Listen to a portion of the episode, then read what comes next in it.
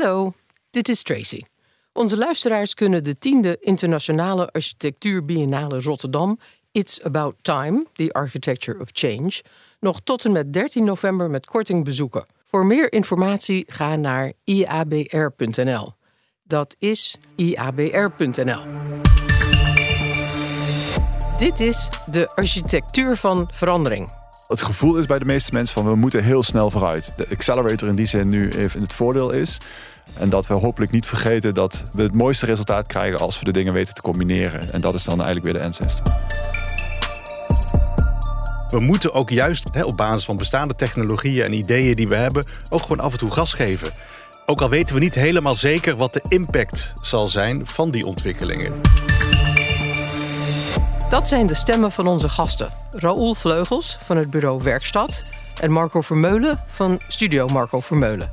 Mijn naam is Tracy Metz. Ik ben journalist en podcastmaker. Deze laatste aflevering van De Architectuur van Verandering is onderdeel van de programmering rond de 10e Internationale Architectuur Biennale Rotterdam. De IHBR richt zich op de toekomst van de stad, nu door de lens van het verleden. In deze drie programma's maken we een tijdreis van 100 jaar. In de voorgaande afleveringen hadden we het over het heden en de toekomst. Deze derde aflevering gaat, hoe kan het ook anders, over de architectuur van het verleden. Mijn co-host en tafeldame vandaag is Veronique Pateo, een van de curatoren van de IABR-tentoonstelling It's About Time. Zij doseert aan de École Nationale Supérieure d'Architecture et du Paysage in Lille, de EPFL in Lausanne en de KU Leuven. Zij is sinds 2005 redacteur van Oase, tijdschrift voor architectuur. Hallo Veronique. Hallo Tracy. Ik ben benieuwd, Veronique. Vertel me, waar gaat jouw inbreng in de IABR over? Goh, Tracy, ik ben een architectuurhistoricus. Hè, en dus op het moment dat uh, Saskia van Stijn, de directeur, mij vroeg om mee te werken, ging het echt over het kijken naar het verleden. Biennales kijken eigenlijk heel vaak naar de toekomst. En ze vergeten dat we uit het verleden, uit de geschiedenis, enorm veel kunnen leren. Dus samen met uh, de co-curator Lea Katerin Chatska, maar ook met uh, Saskia Lambers, deden wij onderzoek naar wat er precies gebeurd is in de voorbije 50 jaar. Sinds de, de Club van Rome? Sinds de Club van Rome. Dus we gaan terug naar 72, maar we ontdekten dat eigenlijk 72 niet ver genoeg is in de tijd. En we gaan helemaal terug tot in de jaren 40 om te zien dat er ongelooflijk veel experiment is gebeurd. Ongelooflijk veel processen van gewaarwording, bewustwording en eigenlijk ook actie. En in de tentoonstelling hebben we dat willen tonen met een 75 meter lange tijdslijn waarin we al die decennia geschiedenis gaan presenteren. We tonen die geschiedenis in relatie tot de architectuur, het architectuurexperiment, maar ook in relatie tot wat eh, de historicus Geert Bulles noemt de vergeten groene geschiedenis. Over de rol van de architect, want deze uh, biennale gaat natuurlijk over architectuur en welke rol die speelt in de grote tendensen in de wereld. We komen erop terug met onze gasten, maar ik ben benieuwd naar jouw kijk daarop, Veronique.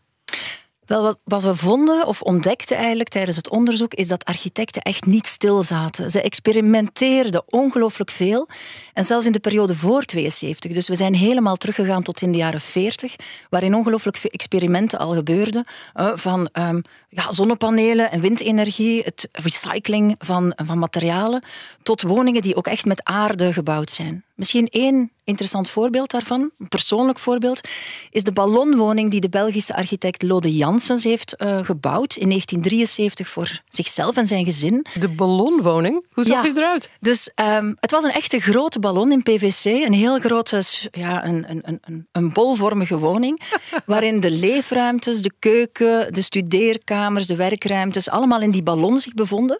En wat bijzonder is, is dat de slaapkamers hele kleine kubusjes waren, die dan wel geïsoleerd waren, die wel verwarmd werden en die dus aparte ruimtes waren. Waarom vind ik dit zo interessant? Omdat je eigenlijk zou kunnen zeggen dat zo'n utopisch project, ze hebben er tien jaar lang in gewoond, eigenlijk vandaag heel veel dingen aanstipt over temperatuur, over klimaat en over hoe we misschien vandaag opnieuw kunnen leren wonen in onze woningen. Ik ben benieuwd hoe hun warmterekening eruit zag toen. Wel, ik denk, uh, daar heb ik geen gegevens over, maar ik, uh, ik denk dat het experiment over hoe je uh, met energie kan omgaan, iets is wat ook in het verleden heel erg gebeurde. Ja, dus architectuur draagt natuurlijk bij aan onze klimaattransitie, maar het stemt mij ook hoopvol. Hoopvol om te zien dat er meer en meer architecten in het verleden en uiteraard ook vandaag nadenken over andere manieren van bouwen. Zoals onze gasten. En dat zijn Marco Vermeulen en Raoul Vleugels. Marco, hallo. Onze eerste gast is Marco Vermeulen uit Rotterdam. Met jouw studio Marco Vermeulen hou je je bezig met actuele ruimtelijke opgaven op het gebied van water, energie en grondstoffen. En je, bent, je hebt ook een tentoonstelling in de IABR waar je ons over gaat vertellen. Ja. Uh, Raoul. Hoi Tracy. Je studeerde in 2011 al als architect aan de TU Eindhoven en daar geef je nu les. Je werkte bij Peter Zumthor in Zwitserland en in Nederland bij onder andere Happel Cornelissen Verhoeven. In 2014 richtte je met een paar collega's Werkstad op. En al in 2021 wonnen jullie de Jonge Maaskantprijs. Nou, gefeliciteerd. Dankjewel. Alsnog. Marco, kun je iets vertellen over het project dat je op de IABR laat zien? Ja, dat is de, de zogeheten Drentse zonneroute A37. Uh, dat is 42 kilometer lang. Uh, stuk snelweg, waar we in opdracht van Rijkswaterstaat, provincie Drenthe en de drie betrokken gemeentes um, eigenlijk uh, voor hebben gesteld om zonnepanelen in de bermen en uh, de middenbermen, de zijbermen te projecteren en in alle knooppunten. En dat zijn gekleurde zonnepanelen. Uh, dat is eigenlijk een nieuwe technologie die waarschijnlijk ook de acceptatie van zonnevelden uh, op een heel nieuw niveau zal brengen. Hoe groot zijn die panelen, Marco? Nou, één paneel is maar 1 bij 2 meter. Maar oh. op de oh. schaal van zo'n snelweg, 42 kilometer lang, ja, heb je natuurlijk een soort van bouwsteen te pakken waarmee je eigenlijk uiteindelijk ja, bijna een soort van land art object kunt maken. Hè? Dus het wordt een soort van die gekleurde panelen die vormen straks een ambient light als het ware langs die, uh, langs die route. Uh, daar waar uh, het landschap, waar je het landschap wil zien, daar zijn ze laag. Daar waar je misschien de achterliggende bebouwing wil beschermen, komen ze omhoog. En daar zitten hele mooie vloeiende lijnen tussen. Uh, en het hoogtepunt zijn eigenlijk. Daarmee, Maak je daarmee een soort geluidswal? Begrijp ik dat? Ja, goed? op die plek wel. Op die plek wel. Ja, zeker. Uh, en we hebben uh, daartussenin zitten de zonnetuinen. Dat zijn eigenlijk de knooppunten. Dus er ontstaat een hele mooie ruimtelijke sequentie. Wat is het verschil tussen een zonnetuin en een zonneweide waar iedereen zo'n hekel aan heeft? Nou, het, ik denk het grote verschil is dat uh, het ene is misschien nadrukkelijker en bewuster ontworpen. Hè, vanuit echt als een tuin. Misschien moet je je bijna een zentuin voorstellen. Maar dan niet met kiezels, maar met zonnepanelen. Waarin ook de ruimtelijke kwaliteit ook echt een rol speelt. En wat voor kleuren hebben die dingen? De kleuren van het landschap. dus echt gewoon, we hebben de kleuren echt ontleend aan het landschap. Uh, ja, waardoor je als het ware dat, dat landschap versterkt. Ik vroeg me af, Marco, dat of je dit project ook zou kunnen uh, verschalen naar de schaal van de architectuur. Want het lijkt mij zo mooi om ja, die panelen, die eigenlijk een heel grote esthetische kwaliteit hebben, die echt heel erg mooie panelen zijn, ook te kunnen toepassen als je het hebt over gebouwen of over woningen. Zou dat uh, kunnen? Zeker, is dat iets wat zeker. doet? Ja, ja, die ontwikkeling is ook uh, hard gaande, denk ik. Uh, die gekleurde panelen die zijn er pas een paar jaar, maar je ziet nu steeds meer dat ze ook marktwaardig zijn en dat ze dus ook opgepikt worden door architecten en toegepast worden in gevels. He, dus ik denk dat die hele technologie van het opwekken van zonne-energie ook straks veel meer geïntegreerd zal worden met onze architectuur. En nu nog is het een kwestie van kost kosten, denk ik, voor de markt? Ja, het is nu orde grootte 15% duurder. Uh, dat was toen wij begonnen met dit ontwerp uh, een paar On, jaar geleden. Was onderaan dat... de spreadsheet is dat een hoop? Ja, maar dat gaat wel. Kijk, uiteindelijk moet je naar de leercurve kijken. Dus hoe snel wordt dat goedkoper? En de verwachting is dat binnen een paar jaar, in 2025, wordt deze zonneroute gerealiseerd. Uh, dat het dan gewoon marktwaardig zal zijn en concurreren met gewone normale panelen, zwarte en blauwe panelen. En hoe lang is de route? De, de route is 42 kilometer. Dus oh, het is echt. Uh, ja, het, het, het, leuke is, enerzijds gaat het, uh, is het een energiecentrale, zou je kunnen zeggen. Duurzame energiecentrale van 200 megawatt voor minstens 50.000 inwoners. Maar het is ook 42 kilometer lang landart. En dat, dat vind ik zo spannend, die combinatie van die twee opgaves. Dat geeft mij ook een gevoel dat juist bij dit soort transitieopgaves ruimtelijk ontwerp ook een belangrijke rol kan hebben. Want je ziet in Drenthe, dat uh, windmolens, zonnevelden, daar is heel veel weerstand tegen, maar dit ontwerp is eigenlijk omarmd. Dus dat geeft me ook hoop uh, en het geeft ook richting dat, uh, dat ontwerpers daar een rol in kunnen hebben. Op die manier die transitie te versnellen ook. Zeker. Er is al een Van Gogh fietspad, hè? ook met kleuren erin. Ja, dat klopt, ja. ja. Nou, daar ga je niks over zeggen. Daar ga ik niks over zeggen. Veronique. Ja, je gebruikt het woord versneller en dat doet me denken natuurlijk aan de drie categorieën die wij hebben uitgevonden om onze tentoonstelling te structureren. De versneller eh, is ook de categorie waarin jouw project zit. En de versneller is iemand die heel erg gelooft in het systeem waarin we nu zitten, ook een neoliberaal systeem, maar waarin je vooral high-tech, data en kennis kan inzetten. Wat, wat vond je ervan? Dat je in onze categorie van versneller zit en zie je dat eigenlijk als de enige ja, plek waar jouw jouw bureau in werkt? Het is wel een compliment. Ik moet eerlijk zeggen, ik ben wel gewend om tegelijkertijd in meerdere categorieën te functioneren. Dus eh, prima als het nu versneller is. En dat klopt ook wel. Ik denk dat zeg maar, beide benaderingen, die van Ancestor en eh, die van Accelerator, tegelijkertijd ook nodig zijn. Ik bedoel, enerzijds hebben we natuurlijk dat lange perspectief nodig, hè, wat, waarbij je jezelf de ontwerp ook veel meer baseert op, op cultuur, historische eh, en ethische eh, achtergronden en argumenten. Maar tegelijkertijd, we hebben die tijd ook eigenlijk niet om dit soort visies te laten rijpen. Dus we moeten ook juist op, op basis van bestaande technologieën en ideeën die we hebben, ook gewoon af en toe gas geven. Ook al weten we niet helemaal zeker wat de impact zal zijn van die ontwikkelingen. We, maken op dit, we kunnen die sprong naar die andere samenleving toch niet in één keer maken. Het is toch een soort hinkstapsprong. In die zin vroeg ik mij af of je binnen het werken wat je doet ook heel veel um, hobbels tegenkomt als je het hebt over architectuur, het ruimtelijke vraagstuk, en dan de transitiedenken. Dingen die je weerhouden, dingen die eigenlijk moeilijk zijn omdat ze de markt of niet klaar voor is, of dat misschien zelfs onze bouwcultuur nog niet helemaal klaar is ervoor. Ja, ja ik denk in algemene zin dat de angst om radicaal te veranderen, dat dat wel zeg maar, heel veel van dit soort projecten echt uh, belemmert. Um, en dat is natuurlijk ook logisch. Hè? Ik bedoel, uh, kleine veranderingen vanuit hetgeen dat je kent, is veel comfortabeler. Uh, voor, uh, voor veel mensen. Maar echt een radicale verandering, zeg maar, over hetgeen wat we nu kennen heen. Uh, dat is echt wel een stukje ingewikkelder. Maar ik denk juist dat ontwerpers daar een hele belangrijke rol in hebben. Kijk, die ontwerpers kunnen ehm, zeg maar achter de chaotische tijden waarin we nu leven ook echt een beeld schetsen van een toekomst die ook veel hoopvoller is dan nu. En dat is juist ook de kwaliteit van ontwerpers. Ontwerpers zijn de hele dag bezig met zichzelf die andere wereld voor te schetsen. Uh, en op het moment dat ze dat goed kunnen verbeelden, kunnen ze andere mensen ook helpen om die wereld, zeg maar, achter die chaos uh, te kunnen zien. Nou, die hoopvolle vooruitblik, die kunnen we wel gebruiken nu in tijden van de polycrisis, zoals ze dat noemen. Uh, Marco, wat ik grappig vind, je bent bezig nu met innovatieve zonnepanelen. Maar tegelijkertijd ben je ook een pleitbezorger van biobased materialen. Uh, planten als jute en hennep en allerlei materialen die zichzelf kunnen vernieuwen, want ze groeien gewoon weer. Waarom hebben we daar afscheid van genomen en ons helemaal uitgeleverd aan beton en staal? en glas, waarvan we weten dat ze nu eh, enorm bijdragen aan de klimaatcrisis. Ja, uiteindelijk kijkt de goede, de, de, de, de constructieve eigenschappen van beton, staal en, uh, nou, en, de, en, en, zeg maar de fijne eigenschappen van glas, die zijn evident. Alleen ze hebben één grote, uh, groot nadeel. Dat is bij de productie, bij de verwerking en ook bij het transport komt er geloof, ongelooflijk veel CO2 vrij. en zelfs ook stikstof. En het gebruik van natuurlijke plantaardige materialen. Als je dat doet, dan, dan sla je eigenlijk een dubbelslag. Want enerzijds vermijd je de emissies die je normaal hebt bij het gebruik van conventionele materialen. En tegelijkertijd sla je eigenlijk CO2 op in je bouwmateriaal. En dat is heel wezenlijk. We hebben allemaal op de middelbare school geleerd dat planten en bomen eh, CO2 onttrekken aan de atmosfeer. Dat omzetten in glucose, houtstof. En op het moment dat je dat verbrandt, of je laat het wegrotten in het bos, dan komt die CO2 vrij op het moment dat je er bouwmaterialen van maakt, dan, laat, dan, dan, dan houd je als het ware die CO2 gevangen. Dus dat betekent dat onze hele gebouwde omgeving in potentie een koolstofbank is. Dat is een wenkend perspectief. En daarom wordt er ook veel voor gepleit om met hout te bouwen.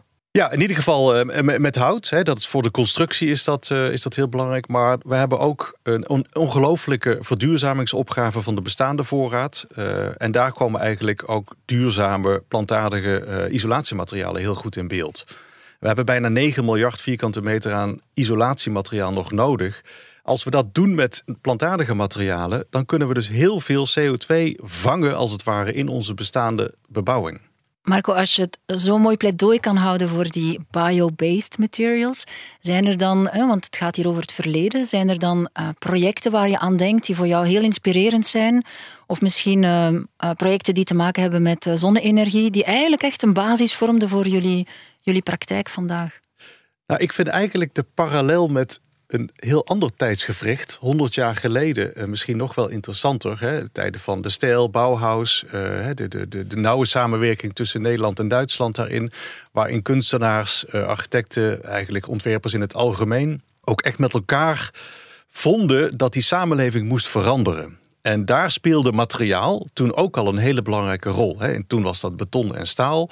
En er zijn heel veel parallellen. Ik bedoel, toen ging het ook over betaalbaarheid, het ging over gezondheid, het ging over industrieel bouwen. Hè, opgaven die we nu eigenlijk ook uh, opnieuw zien. Maar er zijn natuurlijk ook hele grote verschillen. To, toen was eigenlijk de afname van biodiversiteit nog nauwelijks in beeld. Klimaatverandering was nog niet in beeld.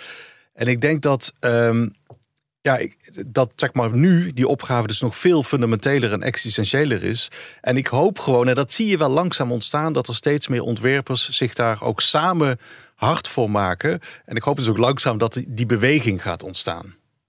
Ik Mooi. denk dat die beweging heel hard ontstaat. We ja, zitten er middenin volgens mij. We zien het in ieder geval wel met de tentoonstelling. Zeker, zeker. En wat ik hoop, Margot, is dat we datzelfde gevoel van opgetogenheid, dat we de toekomst hebben omarmd die we hadden in de tijd van het modernisme. Dat we dat gevoel nu weer kunnen krijgen in materialen uit het verleden, uit hout en jute en hennep en vlas. Dat we, dat we die met dezelfde diepe opgewekte overtuiging kunnen omarmen. Ja, zeker. Maar we zitten nogmaals, we zitten nu in die, die chaotische tijd, dus nu vinden we dat lastig. Een aantal systemen zijn heel evident. Hè. Daar hebben we ook kritiek op. Hè. Dat zijn uh, fossiele energiesystemen, voedselsystemen. Maar ik denk ook als ruimtelijke ontwerpers dat we heel kritisch moeten zijn op een aantal ruimtelijke ordeningsconventies die we hebben. Zoals? Je merkt dat heel veel van de systemen op het, op het gebied van voedsel, water en energie, die zijn heel erg op afstand komen staan. Die vinden ergens in het buitengebied plaats. En we hebben af, de afgelopen jaren allemaal de lege supermarkten meegemaakt. Uh, we, hebben nu, we zitten midden, midden in uh, een energiecrisis, droogte. Dus je merkt, we hebben geen grip meer op die centraal georganiseerde systemen. Dus ik pleit heel erg dat we niet elkaar alleen maar napraten over dat de enige oplossing de compacte stad is. Maar dat we tegelijkertijd ook op zoek gaan naar nieuwe verstedelijkingsmodellen. Waarbij natuurontwikkeling, woningbouw, werken, recreatie en voedselproductie veel meer elkaar versterken in plaats van dat ze elkaar beconcurreren. En dus decentraliseren. Dat zou dus kunnen. Dat zou dus kunnen. Het gaat er niet eens op wat de oplossing is. Ik vind vooral dat iedereen elkaar alleen maar napraat op dit moment. Dat, de dat verdichting, zeg maar, de enige oplossing is. Terwijl het buitengebied weten we inmiddels allemaal. Het is al lang niet zo romantisch en ecologisch interessant meer. Dus daar zit, daar zit een hele interessante transitieopgave, waar, waar eigenlijk al die uh, zeg maar, ruimtelijke ordeningsvelden tegelijkertijd beschouwd moeten worden. Een van de, de voorbeelden waar ik aan denk in de tentoonstelling is de Chinese architect Konyan Yu. En hij is eigenlijk een soort van god in China. Uh, en hij is activist, accelerator en ancestor tegelijkertijd. En zijn concept is de sponsstad. Hij, hij vangt het regenwater op. Regenwater wordt altijd gezien als een soort van afvalgrondstof. En eigenlijk, als je regenwater inzet, kan je in het midden van je stad opnieuw landschappen creëren die iets doen aan de droogte, maar die tegelijkertijd ook heel erg waardevol zijn voor je stadcentra. Dus ik denk dat het heel interessant is om veel radicaler te denken en dus eigenlijk onze eigen ontwerpprincipes, zoals we ze geleerd hebben, helemaal los te laten. En voordat we naar Raoul gaan, want die laten we best een beetje wachten. We komen eraan, Raoul. Wat ik interessant vind aan jouw uh, zonnepanelenproject in Drenthe, is dat zonne-energie, zoals ontwerper Marian van Albel uh, vaak zo mooi zegt, zonne-energie is heel democratisch. Je kan je energie opwekken waar je bent. Je kan opwekken wat je zelf nodig hebt. Je, je bent niet afhankelijk van een centrale in het verder buitengebied waar de Russen ooit een bom op gaan gooien. Uh, je kan het zelf doen. En die, die, nou ja, laten we het zelfbeschikking noemen. Dat vind ik een heel interessante tendens nu.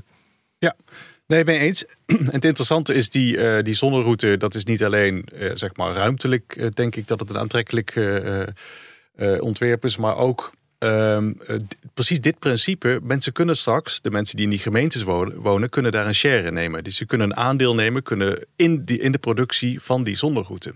Nou, dat lijkt me natuurlijk ook heel interessant. Hè? Dus in plaats van de grote energiecoöperaties, uh, energiebedrijven, dat juist ook individuele gezinnen straks, uh, net zoals dat bij windmolens natuurlijk ook al gebeurt, hier straks ook onderdeel zijn van de productie van die, van die zonneroute. Nou, ik word er helemaal blij en hoopvol van. Ik ook. Roel, vertel. Je hebt in Zwitserland gewerkt een tijd bij Peter Zumthor.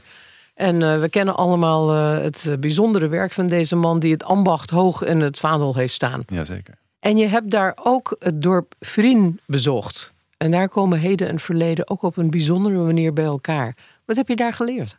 Ten eerste is het heel leuk om ook het verhaal van uh, hier zo te horen weer. Um, ik denk wat daar, die materialiteit is natuurlijk in, in zowel het dorp als in het bureau van Zoemter een, een waanzinnig belangrijk aspect. En hoe je ook met een respectvolle manier met materialen omgaat.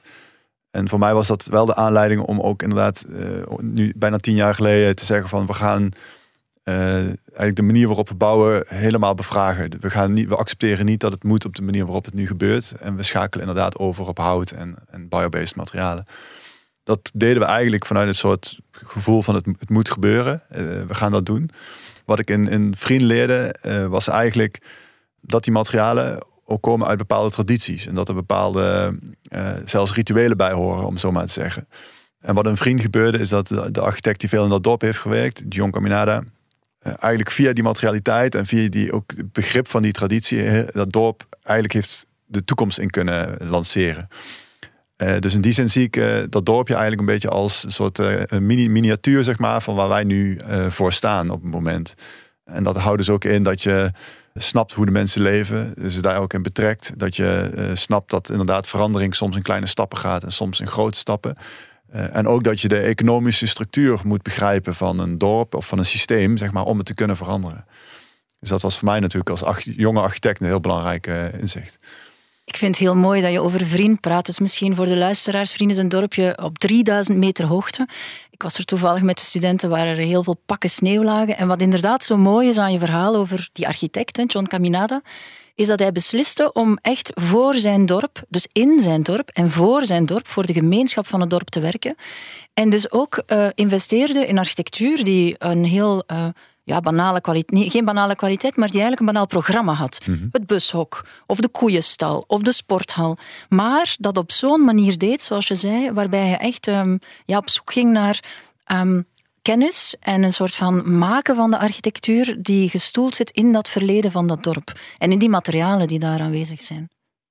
Ja, dat, dat is ook iets waar je, wat je ziet, wat voor een nieuwe generatie architecten denk ik ook wel um, een soort nieuw denken uh, moet vormen. Enerzijds hebben, hebben, we heel sterke verbeeldingskracht nodig om mensen te kunnen verleiden. Hè, om, om met, met poëzie eigenlijk mensen de nieuwe uh, tijd in te trekken. En anderzijds moeten we ook een soort, ons ook toestaan zeg maar, om niet te veel te willen. Zeg maar. Want inderdaad, er ligt ook een hele grote verduurzamingsopgave zeg maar, in de bestaande woningbouwvoorraad. En dat is nou niet de meest sexy opgave zeg maar, voor een jonge architect om aan te werken. Kan het wel zijn, maar voor een groot deel is dat natuurlijk ook gewoon snappen wat je aan het doen bent. En beseffen hoe ontzettend gevoelig die gebouwen zijn waar je aan werkt. Dus, ja. Hoe integreer je deze werkwijze in het werk van Werkstad? Wat we nu eigenlijk doen, uh, voor ons is dat biobased bouwen eigenlijk helemaal geïnternaliseerd. Dat is gewoon de basis waar we mee bouwen. Wat we heel interessant vinden is, um, hoe ga je nu de, de oude materialen, dus beton en de staal, wat, wat voor rol hebben die eigenlijk nog, zeg maar, in de moderne tijd? En eigenlijk zijn die zo vervuilend en zo energie-intensief dat ook daar heel veel ontwerpaandacht in moet gaan als je jezelf toestaat ze te gebruiken nog, zeg maar, op hele specifieke momenten. Dus dat is wel een soort omslag waar wij eerst heel erg de biobased materialen ontwierpen. Proberen we nu de materialen die we af en toe nog moeten gebruiken, de, de slechte materialen, ook de nodige aandacht te geven. Zie je dan dat in het gebruik van dat soort van materialen we eigenlijk een nieuwe bouwcultuur nodig hebben, waarin we leren om met die materialen om te gaan? Soms zijn normeringen nog afwezig, soms is de technische kwaliteit en de draagkracht van dat soort materialen toch nog niet zo sterk als beton. Hoe ga je daarmee om? Jullie zitten in, uh, in het activisme gedeelte van onze tentoonstelling, terwijl ik denk dat je evengoed ook in het ancestor, in het voorouder zou kunnen zitten. Maar ik voel wel dat jullie met het werk van Werkstad um, ja, op een heel activistische manier ook proberen om net die materialen aan de man te brengen. Vanuit dat activisme van het moet veranderen, wilden we gewoon meteen iets gaan doen zeg maar, op het moment dat we zelf begonnen. Uh, en wat ons eigenlijk opviel is dat het, het, is eigenlijk helemaal niet zo ingewikkeld om met die materialen te bouwen. Het bestaat allemaal en we kunnen er gewoon, um, ja, zoals, zoals Marco ook al doet en zoals we zelf ook doen, nu dingen mee maken. Dus ik, ik voel vrij weinig hindering zeg maar, van de, de technische kant van het verhaal. Het is meer dat we mooie beelden en mooie, echt goede architectuur, zeg maar, nu dit gewoon heel serieus moeten positioneren zeg maar, in de maatschappij. Wat ik me afvroeg, eh, Raoul. Vrin is natuurlijk een heel interessant voorbeeld, maar het is ook een heel klein dorp. Ja, dat klopt. Ja. Hoe kun je de piepkleine schaal van Vrien met al zijn diepgang en geworteldheid, hoe kun je dat vertalen naar onze tijd, onze schaal, naar de schaal van de stad? Nou, ik, ik was eigenlijk heel erg uh, blij met uh, de vorige aflevering, ook met Merle. Dat hij had het over dat die plek waar de tapijten uh, gewassen worden. En dat heeft hij door zijn eigen onderzoek zeg maar, naar het buurthuis naar boven gekregen. En ik denk dat daar eigenlijk die kern in zit, wat ook, wat ook in Vriend is gebeurd. Dat je met dat soort plekken, die dus een soort rituele plek bijna zijn, zeg maar, in zo'n wijk een soort verandering in gang kan zetten, een soort begrip kan kweken ook bij, bij een bredere laag in de bevolking, die essentieel is zeg maar, om deze transitie te laten slagen.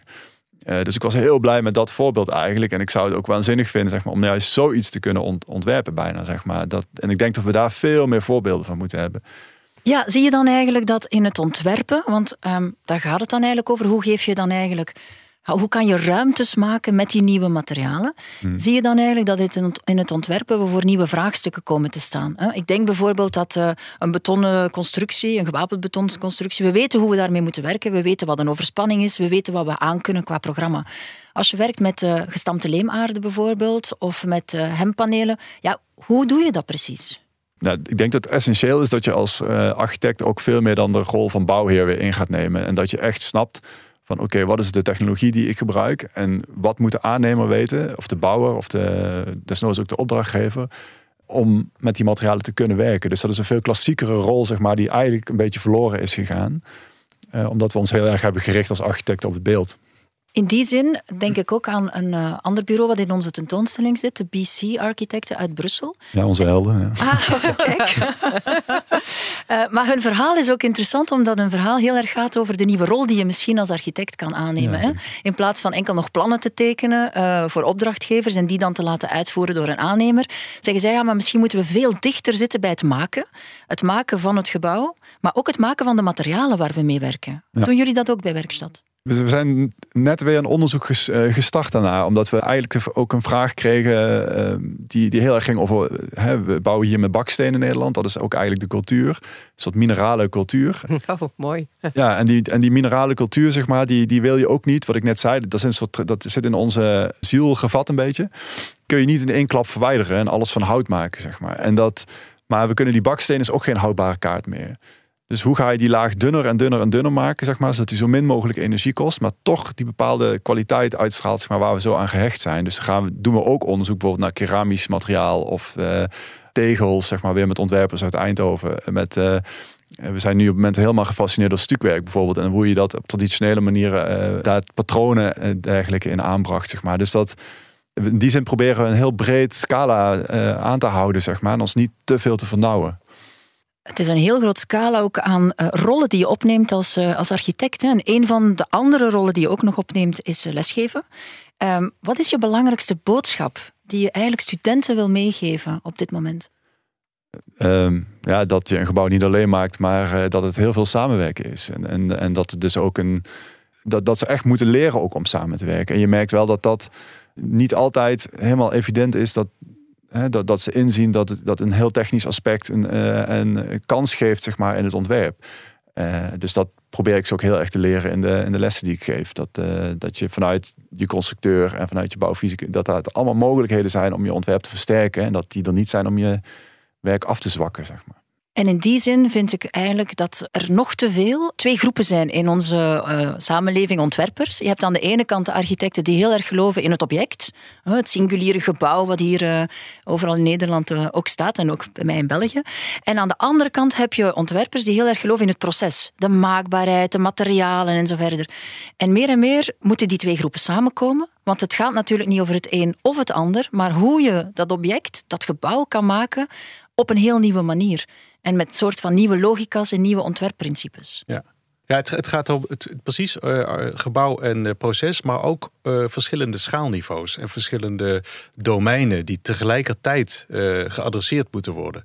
Ik merk dat vraagt wel echt een soort behendigheid van ontwerpers, dat ze heel eenvoudig tussen de schalen heen kunnen bewegen in een soort van proces van iteratie. Uh, want de, je kunt je ontwerp binnen een bepaalde context, die je vervolgens met je gebouw of ontwerp ook weer kunt veranderen. Dus er is een continue wisselwerking tussen die verschillende schaalniveaus. En dat vind ik heel interessant. Ik merk wel dat de opleidingen daar nog niet altijd op ingericht zijn, op die flexibiliteit. Nee, dat, dat zie je dus inderdaad. Van, we zijn eigenlijk uh, schreeuwen om zeg maar, een soort landschapsafdeling in Eindhoven. Of een, en een, een veel andere vorm van stedenbouw, zeg maar. Die, dat is, omdat daar zit de basis van de oplossingen die we nodig hebben, zitten letterlijk in de grond gevat, zeg maar. Dus uh, ja.